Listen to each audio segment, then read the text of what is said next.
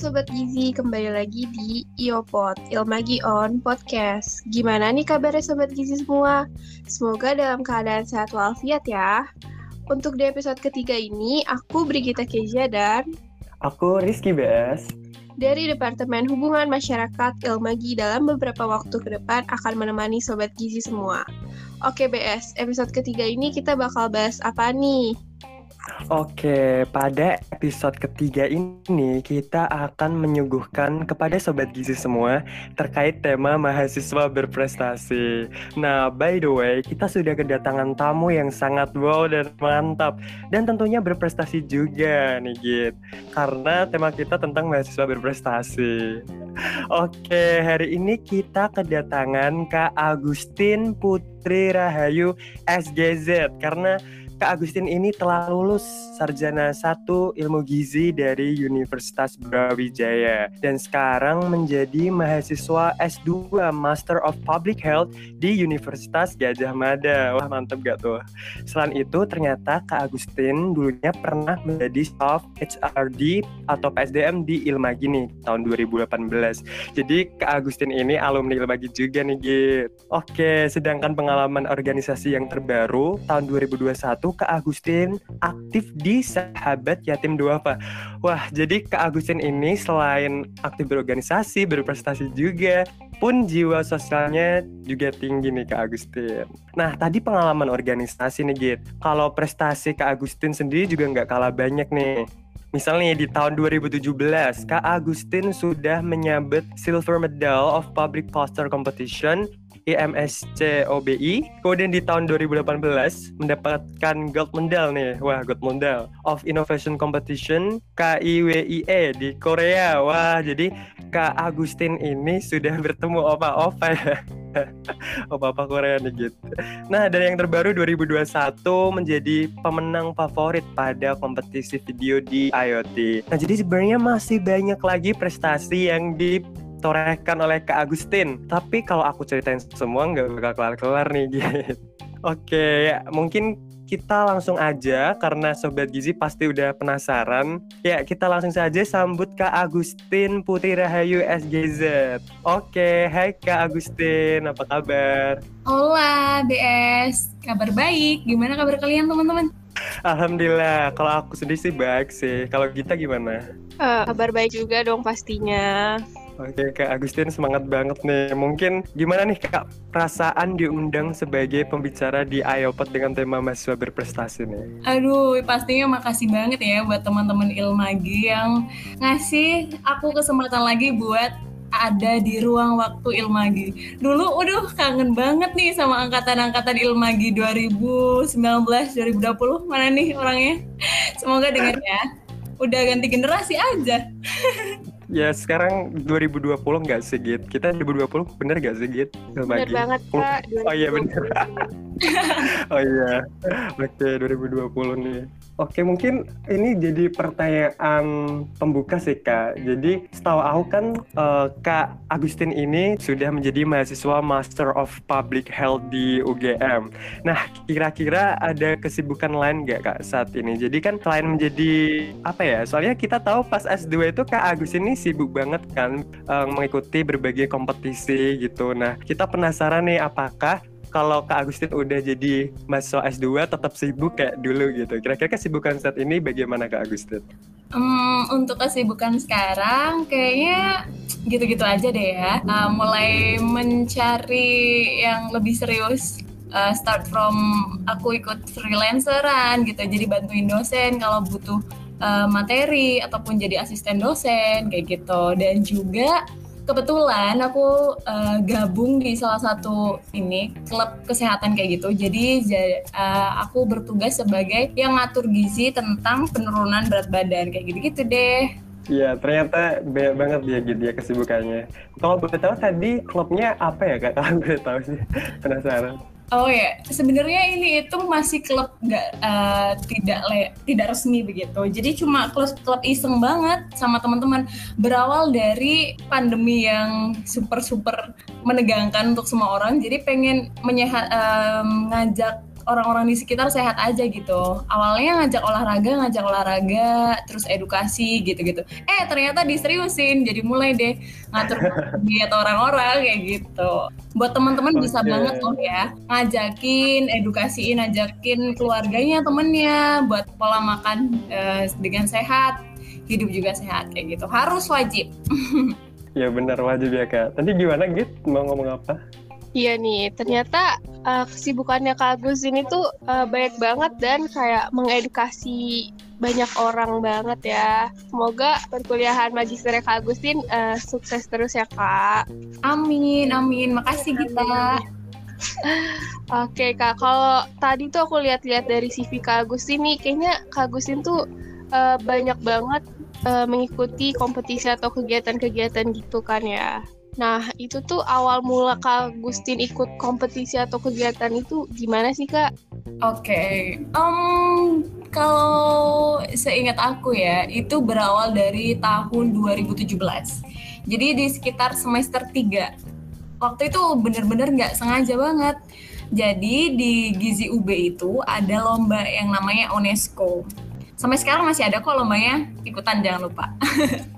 Oke okay, jadi di lomba itu ada banyak jenisnya kan teman-teman. Mulai dari video poster terus research paper kayak gitu-gitu. Dan temen aku tuh ngajakin eh Agustin ikut dong ikut dong gitu.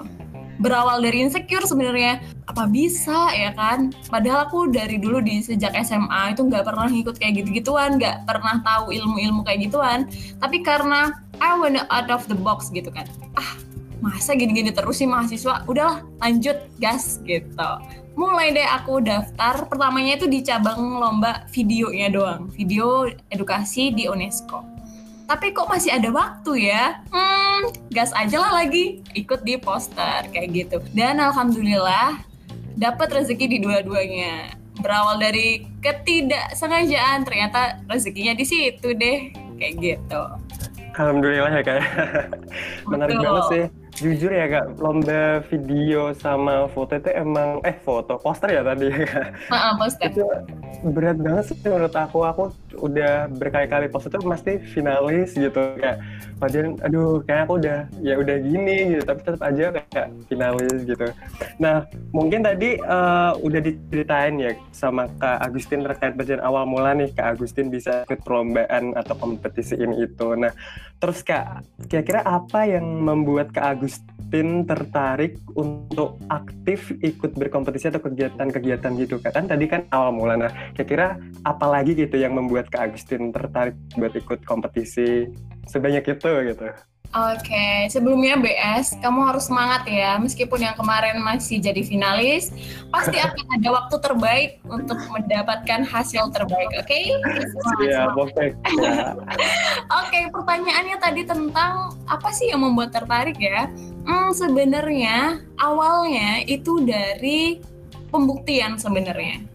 Aku mau membuk uh, membuktikan kepada orang tua aku, kepada diri aku sendiri bahwa orang tua aku itu udah sukses, udah berhasil membesarkan anaknya gitu. Dan aku pun sudah berhasil, sudah berproses untuk menjadi lebih baik lagi gitu. Dan salah satu caranya ya ikut kompetisi karena melalui kompetisi itu hasilnya itu ada langsung gitu kan. Seperti uh, gold medal, kemudian ataupun finalis bahkan itu sudah salah satu pembuktian. Bahkan ya dengan kamu cuma ikut doang itu sudah salah satu bukti. Kalau misalnya kamu itu udah out of the box kamu sudah berjuang untuk hidup kamu untuk menjadi lebih baik lagi that's all. Untuk urusan misalnya dapat rezeki nggak sih?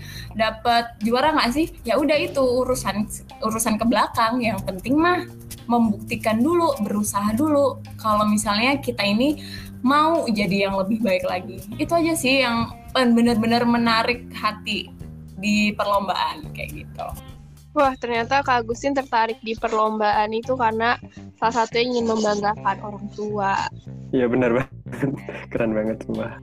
Keren banget nih alasannya dan uh, oh ya Kak, nih buat kalau anak-anak zaman sekarang tuh kan kayak susah banget gitu ya buat tahu passionnya untuk mengikuti suatu perlombaan gitu bahkan kayak aku sendiri aja tuh kayak belum tahu gitu loh passion aku tuh apa gitu kan. Nah, kalau menurut Kak Agustin sendiri nih, cara buat nentuin passion untuk kita ikut lomba itu bagaimana Kak? Oke, okay. ngomongin passion, ngomongin tentang passion itu kan definisinya adalah antusiasme untuk melakukan sesuatu ya kan.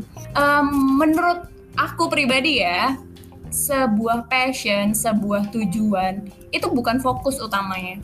Tahu nggak apa yang lebih penting daripada goals ataupun passion? Apa? apa ya? Menurutku itu adalah sebuah habitual, sebuah kebiasaan lebih baik jauh lebih penting untuk membangun kebiasaan yang baik kebiasaan yang membangun kebiasaan yang memperbaiki diri itu jauh lebih penting daripada fokus ke passionnya kayak gitu. Jadi misalnya nih kita kok aku belum nemuin ya apa sih yang jadi passion aku? So kamu lakuin apa kebiasaan apa yang bisa membangun diri kamu? Contohnya uh, aku suka dengerin podcast nih, aku suka dengerin Ayo Pods nih, podcastnya Ilma gini, ya udah dengerin.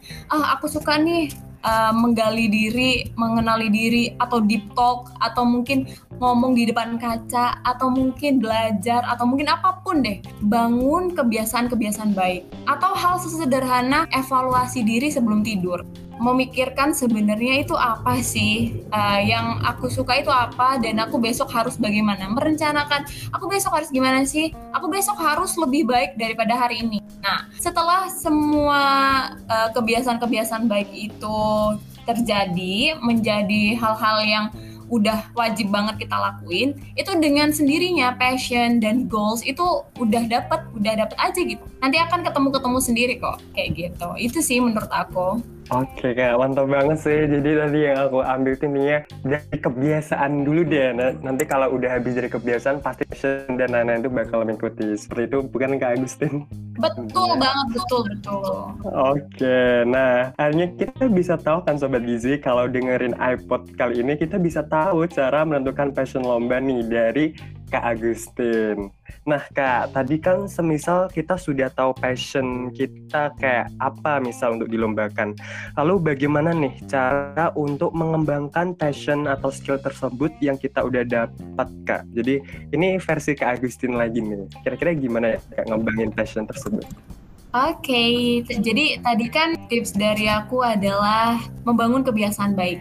Jadi ya udah kembangkan kebiasaan itu sehingga kamu dapat skill sebanyak-banyaknya. Jangan pernah puas dengan diri kamu. Misal ya contoh, ah aduh passion aku di lomba poster nih. Nggak aku nggak mau ikut di lomba ilmiah, nggak mau di esai dan segala macam. No no, come on, kita orang-orang milenial guys. Kita harus berkembang semaksimal mungkin.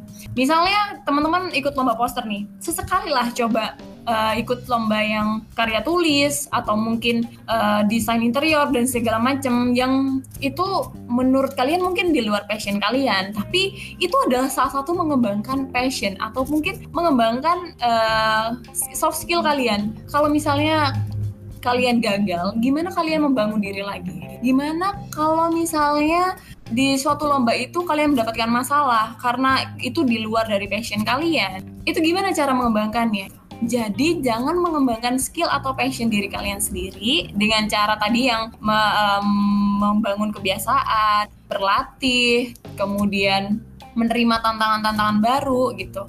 Tapi juga jangan lupa untuk mengembangkan di luar passion itu sendiri. Jangan pernah nyaman dengan box kalian. Kalian harus berusaha untuk hidup benar-benar mengembangkan diri. Jangan jangan jangan stay in your box guys. Kita orang-orang milenial yang wajib banget untuk terus berkembang dan gak pernah puas dengan diri sendiri kayak gitu. Kayak memperluas zona nyaman juga ya kayak. Jadi kalau semakin apa ya? Kalau zona nyaman kita misal cuman uh, radius berapa meter gitu. Nah, kita pertama udah nyaman, tapi habis kalau kita keluar gak nyaman, tapi kalau kita udah bisa menguasai zona yang gak nyaman, itu akan menjadi zona nyaman kita. Jadi kayak semakin luas kita mencoba, kayak zona nyaman bakal mengikuti jadi luas. Karena tadi sebenarnya cuma analogi sih dari Kak Agustin.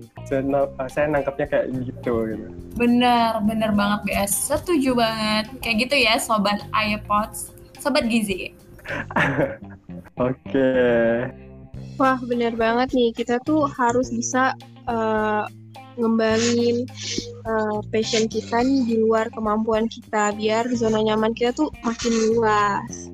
Nah, uh, sobat gizi boleh loh menerapkan cara-cara yang dari Kak Agustin uh, buat mengembangkan passion atau skill yang udah kita miliki nih. Oh ya kak nih, biasanya tuh ya kampus non kesehatan sering banget mengadakan perlombaan yang menarik dan pastinya tuh bisa melatih passion atau skill kita kan. Nah, saat perlombaan itu diadakan oleh kampus yang non kesehatan, peluang untuk mahasiswa gizi atau uh, kesehatan lainnya menurut Kak, Kak Agustin itu gimana? Oke, peluang di Universitas non kesehatan adalah besar sekali, benar-benar besar sekali guys. Jadi um, kalian itu uh, terutama teman-teman gizi yang kita itu ngomongin bidang pangan, bidang kesehatan itu dibutuhkan oleh semua orang. Gak ada kan di dunia ini yang nggak makan? Siapa yang nggak makan coba? gak ada kan? semuanya pasti makan dan semuanya pasti membutuhkan kesehatan. Jadi semua bidang itu pasti ada hubungannya dengan kesehatan kayak gitu. Jadi peluang kita di sana itu sangat besar sekali. Nah, yang perlu diperhatikan adalah sudut pandang kita saat ngikutin lomba tersebut. Contoh ya, uh, misalnya di fakultas MIPA misalnya, uh, ilmu pengetahuan alam gitu ya kan, emang hubungannya sama gizi apa gitu. Cari celahnya, cari sudut pandang yang kita ini bisa sejalan. Nah, kayak gitu. Itu trik-triknya. Nanti banyak banget kok trik-trik yang bisa kalian lakukan biar uh, karya kalian itu sejalan dengan jurinya, sejalan dengan visi misi dari perlombaannya kayak gitu. Yang pastinya peluang mahasiswa gizi bersaing di luar itu sangat amat besar sekali. Jangan pernah ragu dan ayo mencoba. Oke, jangan pernah ragu dan ayo mencoba. Intinya sebenarnya mahasiswa gizi itu tetap bisa berpeluang ya kak di perlombaan atau kompetisi non gizi dan kesehatan. Intinya tadi sih intinya nyari celah kira-kira gimana sih cara biar bisa ngehubungin tetap dengan latar kita ya sebagai gizi ya kak ya. Betul banget. Oke. Nah kak, ini masih berkaitan sih tentang lomba atau kompetisi. Tapi pertanyaan itu lebih ke kayak kepo aja gitu kak. Jadi ini kita tahu kan kalau Kak Agustin tuh sudah banyak pengalaman terkait perlombaan. Tadi aku baca CV-nya aja tuh eh banyak banget gitu. Wah lomba-lombanya banyak banget. Nah kira-kira boleh share dong Kak Agustin pengalaman paling menarik saat mengikuti perlombaan atau kompetisi yang pernah Kakak ikuti ya? um, pengalaman menarik ya. Kayaknya setiap lomba itu pasti ada pengalaman uniknya deh. Aduh, mau cerita yang mana ya? Mau cerita yang pengalaman paling uh, paling membutuhkan effort atau yang paling lucu atau paling gimana nih enaknya nih? Um, bebas sih kak. Mungkin okay. boleh lucu, habis itu effort juga boleh. Oke oke oke, baik baik um, waktu itu yang aku ikut lomba inovasi di Kiwi Korea itu itu benar-benar lomba yang wow butuh effort banget guys waktu itu. Karena pertama lombanya itu dan persiapannya itu pas banget sama ujian minggu ujian. Disertai dengan penyusunan proposal skripsi disertai dengan tanggung jawab aku di organisasi. Waktu itu aku jadi ketua himpunan uh, di Ormagika jadi semua hal itu butuh untuk diprioritaskan waktu itu. Tapi as I say to before, kalau aku nggak mau diem aja di kotak aku gitu. Memperluas zona nyaman, memperluas perjuangan. Jadi maju nggak sih? Ini ikut lomba nggak sih? Ah ikut aja lah, Bismillah gitu. Udah.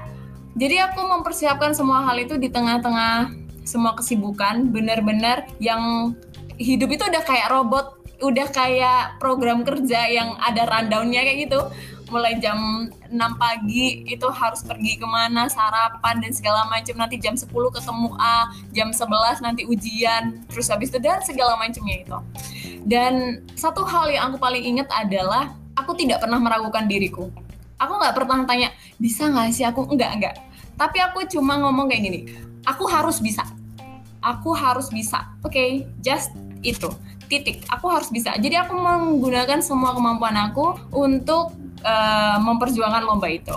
Udah singkat cerita akhirnya aku pergi ke Korea waktu itu dengan dana minjem guys. Karena waktu itu emang dana dari fakultas bantuan dari fakultas itu belum turun. Jadi akunya pinjam dulu. Ada orang baik yang meminjamkan. Itu pun di luar di luar nalar banget. Gimana bisa minjemin gitu? Bener-bener bantuan Tuhan banget. Tiba-tiba ada yang minjemin habis itu udah selesai pergi ke Korea. Nah aku itu berangkatnya harusnya satu tim itu tiga orang. Tapi satu uh, satu temanku itu nggak bisa ikut karena kendala biaya. Satu tim uh, satu orang lagi itu dia asli Malaysia. Dan saat dan aku uh, aku doang nih yang dari Indonesia gitu kan. Jadi aku pergi sendiri dari Indonesia ke Korea kayak gitu.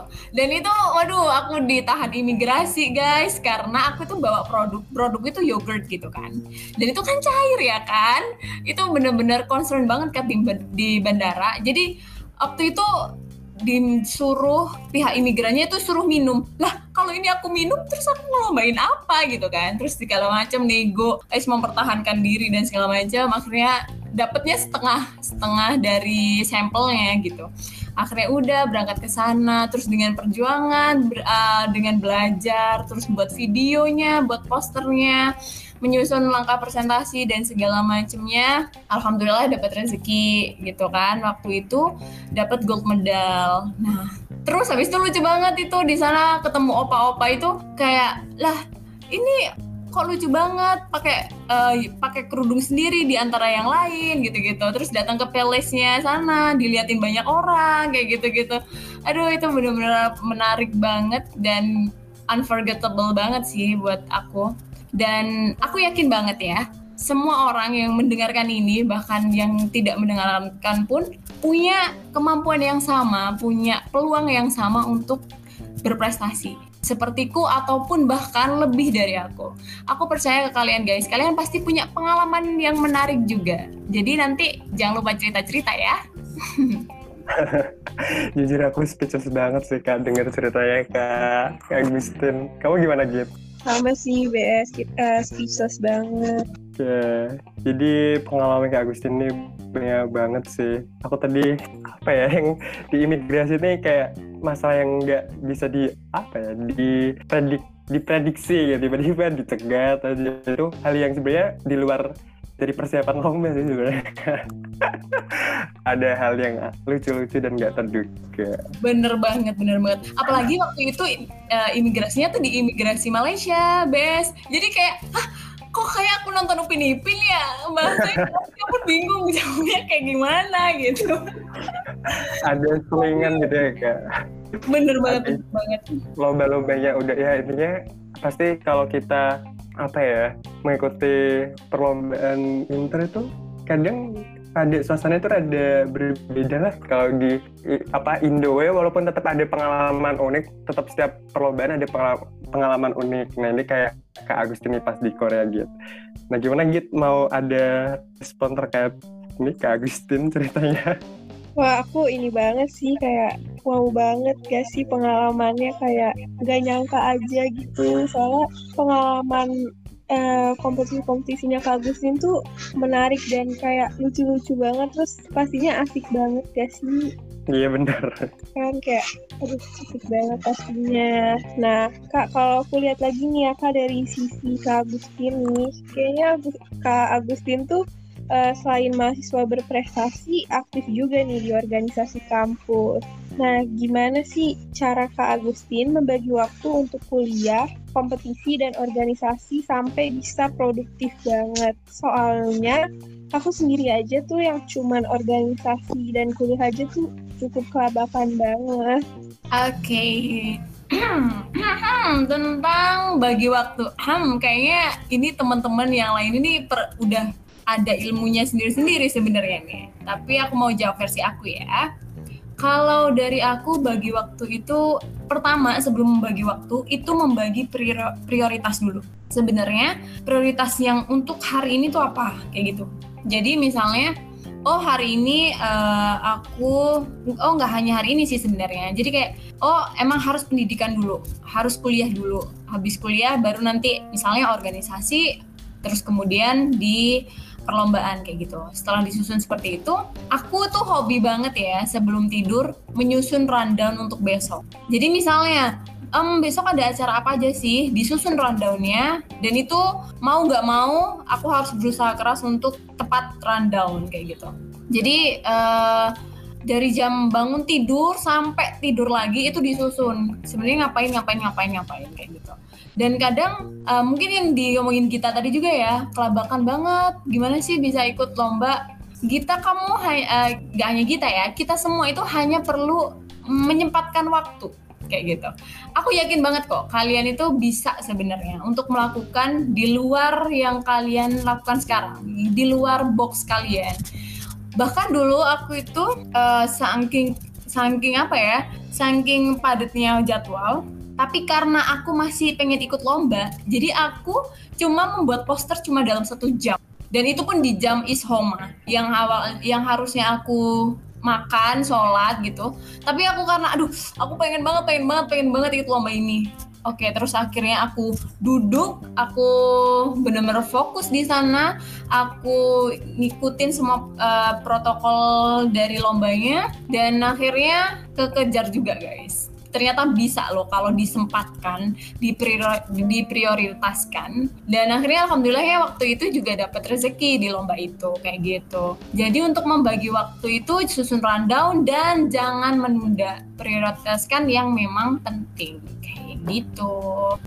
Oke, makasih banyak Kak Agustin.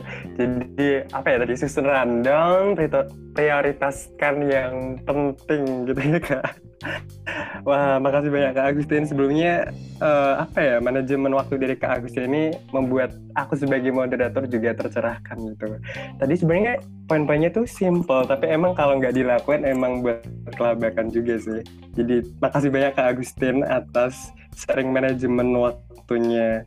Oke nih, kira-kira Sobat Gizi terserahkan juga nggak ya? Pastinya sih. Nah Kak, kalau tadi kan Kak Agustin sudah men-share bagaimana cara memanajemen waktu nih versi Kak Agustin. Nah sekarang boleh nggak ya Kak minta tips lagi nih, tapi terkait menjaga motivasi agar tetap konsisten buat Kak. Ya, motivasi yang berhubungan dengan lomba atau apa pun gitu kak biar tetap konsisten motivasinya. Oke, okay. um, terkait konsisten dan menjaga motivasi, pasti semua orang punya caranya masing-masing ya kan? Sobat Gizi pun pasti punya caranya masing-masing. Nanti mungkin bisa di DM-in ya ke akun sosial medianya Ilmagi bisa dong di-share gitu kan. Uh, boleh nggak sih kalau aku nanya dulu ke kalian moderator-moderatornya BS sama gitu. Cara kalian untuk konsisten dan jaga motivasi gimana tuh di Ilmagi? Oh, kalau aku ya gak, ah, kalau aku, aku dulu kan Git. Git, kamu apa aku Git? Uh, boleh kamu dulu BS. Oke, kalau aku sih misal kalau lagi atau gimana aku mengingat uh, awal awal masuknya ya niatnya gimana gitu kak. Kalau balik lagi ke niat awal pasti kayak aku awal masuk gini masa di tengah gini? Jadi kayak ya ini saya aku apa ya ini aku lihat niat awal aku masuk ilmu gitu kayak gimana? Gitu kak. Mungkin gitu. Gimana Iya, kalau dari aku buat konsisten di Ilmagi sih pastinya uh, aku menjaga komitmen yang sempat pas awal banget waktu itu wawancara bareng kepala departemen humasnya ya soalnya kan kayak kita membuktikan apa apa yang udah kita sampein gitu komitmennya sih kalau dari aku. Alright, keren banget keren banget. Jaga komitmen di awal gitu. Wah, kayak Sa ini anaknya pinter-pinter banget kayak Alright, kalau dari aku ya, tips konsisten dan menjaga motivasi adalah membangun dari kebiasaan dulu. Tahu kan kalau misalnya kebiasaan itu dibangunnya berawal dari tujuh hari 40 hari itu harus dipaksa untuk melakukan itu. Contoh ya contoh sederhana nih bales chat dengan cepat. Begitu ada begitu ada notifikasi masuk nih. Contoh nih dari Kak Yasa Hai guys gitu.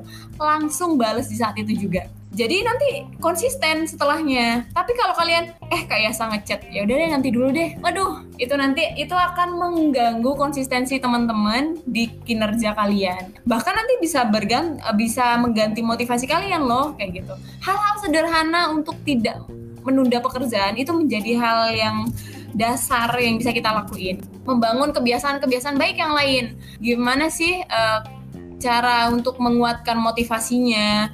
Kalau dari aku sih, uh, aku lihat lagi ke belakang kayak yang diomongin BS kayak dulu itu kayak gimana sih awalnya. Terus sekarang udah sampai di titik ini, bisa loh untuk dikembangkan lagi. Bisa loh kita itu lebih hebat lagi. Kayak gitu. Kembali ke membangun suatu uh, kebiasaan baik. Kayak gitu deh. Ingat ya, jangan menunda-nunda. Siap Kak. Oh ya BTW nih Sobat Gizi yang nggak tahu Kak Yasa itu siapa. Nah BTW Kak Yasa itu Ketua Departemen Humas Ilmagi nih. Jadi mungkin tadi Kak Yasa itu siapa ya? Kak Yasa siapa ya? Nah itu tadi Ketua Departemen Humas. Bener gak Git? Bener banget BS. Wah ternyata bermanfaat banget nih tips da tips menjaga motivasi versi Kak Agustin nih. Semoga Sobat Gizi bisa terinspirasi dari tips menjaga motivasi versi Kak Agustin. Tadi tips menjaga motivasi udah dikasih tahu sama Kak Agustin. Nah, kan Kak Agustin ini salah satu mahasiswa berprestasi ya, dan aku aja nih sendiri terinspirasi banget sama Kak Agustin untuk jadi mahasiswa berprestasi. Siapa sih yang nggak mau jadi mahasiswa berprestasi? Ya kan? Nah, boleh dong nih Kak Agustin kasih tips biar aku dan Sobat Gizi lainnya bisa menjadi mahasiswa berprestasi yang pastinya ya bisa lah ngikutin jejak dari Kak Agustin. Nah, bener. hmm, tips menjadi mahasiswa berprestasi di bidang lomba ya. Tahu nggak? Hal sederhana guys yang semua orang bisa lakuin sebenarnya hal yang paling konkret yang bisa dilakukan adalah daftar lombanya dulu. Udah titik. Gimana dong bisa berprestasi? Gimana bisa menang kalau daftar aja enggak? Kalau daftar aja ditunda ya kan? Yang penting adalah langkah pertama teman-teman. Yang penting adalah bagaimana kalian ini beraksi. Nggak hanya planning nggak hanya ah nanti deh. Ah niat aja. Aduh buat apa? Udah gak udah gak zaman ya. Zamannya sekarang itu langsung beraksi. Misalnya aku pengen berprestasi di bidang poster. Ya udah daftar lombanya. Aku mau berprestasi di bidang olahraga. Ya udah daftar persiapkan lakukan hal-hal uh, perjuangan yang baik. Udah titik. Itu hal yang bisa kalian lakukan. Untuk hasilnya itu adalah hal di luar yang bisa kalian kontrol, hanya bisa diusahakan dan didoakan kayak gitu. Tips paling sederhana adalah daftar. Lakukan langkah pertama yang paling konkret kayak gitu mungkin Gita sama BS nih harus nih wajib nambahin gimana tuh cara kalian untuk mengusahakan prestasi cukup dari Kak Agustin aja deh saya belum pantas Kak Agustin Oke, jadi tadi Kak Agustin simpel banget loh teman-teman sobat Gizi. Intinya coba ya, kalau kita nggak coba ya siapa tahu ya Kak Agustin ya. Benar, benar, benar. Oke, mantap banget Kak Agustin. Jadi kita uh, apa ya? Aku yakin sih pasti sobat gizi yang mendengarkan iPod ini di episode ketiga ini pasti langsung membara gitu semangatnya buat ngabis lomba dan tentunya semangat berprestasi juga sih. Nah, aku sebagai moderator juga tadi ya kayak kerasa terkepancaran semangat berprestasinya dari Kak Agustin. E, rasanya kayak apa ya, pengen gemes banget gitu loh, pengen lomba kalau dengerin tips dari Kak Agustin tadi. Soalnya tadi ya selain diceritain pengalaman berkompetisinya Kak Agustin, kita tadi juga dapat banyak nilai-nilai yang bisa kita petik Nah, tadi sampai bahkan diberikan tips memanajemen waktu, tips terkait motivasi, dan tips pamungkas tadi yang menjadi mahasiswa berprestasi. Simpel banget, tapi kalau diterapin dari Kak Agustin sendiri yakin bakal bisa lah jadi mahasiswa berprestasi kayak Kak Agustin. Nah itu tadi semua tips tadi itu sekaligus sebagai gong buat iPod episode ketiga kali ini Git. Sebelumnya aku mau terima kasih banyak banget buat Kak Agustin karena nilai-nilai dan hal-hal yang disampaikan di sharing kali ini di episode ketiga ini sangat bermanfaat banget. Bener banget DS, aku sendiri aja langsung termotivasi banget untuk jadi mahasiswa berprestasi. Waduh, waduh calon mapes nih kita, mau ya? Wah, amin banget. Amin. Oke deh, nggak kerasa banget ya BS. Ternyata kita udah bincang-bincang nih sama Kak Agusin tuh hampir satu jam. Mungkin dari Sobat Gizi semua masih penasaran atau kepo dengan Kak Agustin itu kayak gimana, bisa banget buat dikepoin akun Instagramnya Kak Agustin nih. Di at, di at, at apa nih Kak? Boleh dong dikasih tahu. Oh iya iya iya. At Gustin O ya, Gustin O E Y. Nanti buat kalian nih wajib banget kalau kepo kalau nanya langsung DM aja ya. Aku bener-bener open banget kok, seneng banget nih uh, bisa bagi-bagi buat teman-teman di Ilmagi atau teman-teman sobat gizi di sini. Nanti kita sharing, kita buat tim bareng juga boleh. Mau berprestasi bersama? Let's go. Let's go. Oke, siap banget. Ntar kita uh, bisa nih berprestasi bersama Kak Agustin. Nah, gak lupa juga nih buat Sobat Gizi, pantengin juga terus informasi dari Ilmagi bisa dicek di Instagram at official underscore Ilmagi. Oh ya, kalau Sobat Gizi nih mau kepoin juga moderator Iopod episode ketiga, boleh banget loh langsung follow IG aku di at Brigita underscore Keja 8 dan apa nih BS Instagram kamu? Oke, at Rizky Bagus underscore RBS. Di follow ya guys. Oke, kita promosi dikit gak apa-apa kali ya BS ya ke Sobat Ya, benar banget. Asik-asik nambah followers nih. Ya, atur. Oke deh, terima kasih Kak Agustin sudah bersedia menjadi narasumber di Iopod episode ketiga ini. Makasih Kak. Makasih juga. Oh iya, boleh nggak aku kasih sat, uh, saat kalimat penutup? Oh ya, boleh banget Kak, boleh banget. Boleh Oke. banget Kak. Um, buat sobat gizi yang dengerin Iopod sekali ini, uh, aku mau pesen nih ke kalian dan diri aku sendiri. Untuk memulai sesuatu, untuk memulai perjalanan, itu kita nggak perlu jadi besar dulu. Kita nggak perlu nunggu kita hebat dulu. Justru dengan langkah kecil kita, itu adalah langkah konkret untuk menjadi besar. Kebiasaan yang baik itu perlu dilakukan untuk mencapai tujuan, uh, untuk mendapatkan passion dan segala macamnya. So, nunggu apa lagi? Nunggu kapan lagi? Sekarang. Sekarang. Dan sekarang. Sudah, itu. Makasih teman-teman. Makasih Kak. Wah, mantap banget. Gitu. Wah, Makasih banget Kak Agustin. Langsung kayak tercerahkan banget gak sih? Iya benar-benar. Penutupan pamungkas yang sangat langsung ngena gitu. Bener banget. Sekarang, sekarang. Yes. Oke deh, sekian dari moderator Iopod ketiga. Aku Brigita Keja dan Aku Rizky BS. mohon pamit undur diri. Sampai jumpa di iPod selanjutnya. Dadah. Bye-bye. Bye-bye teman-teman Sobat Gizi. Thank you.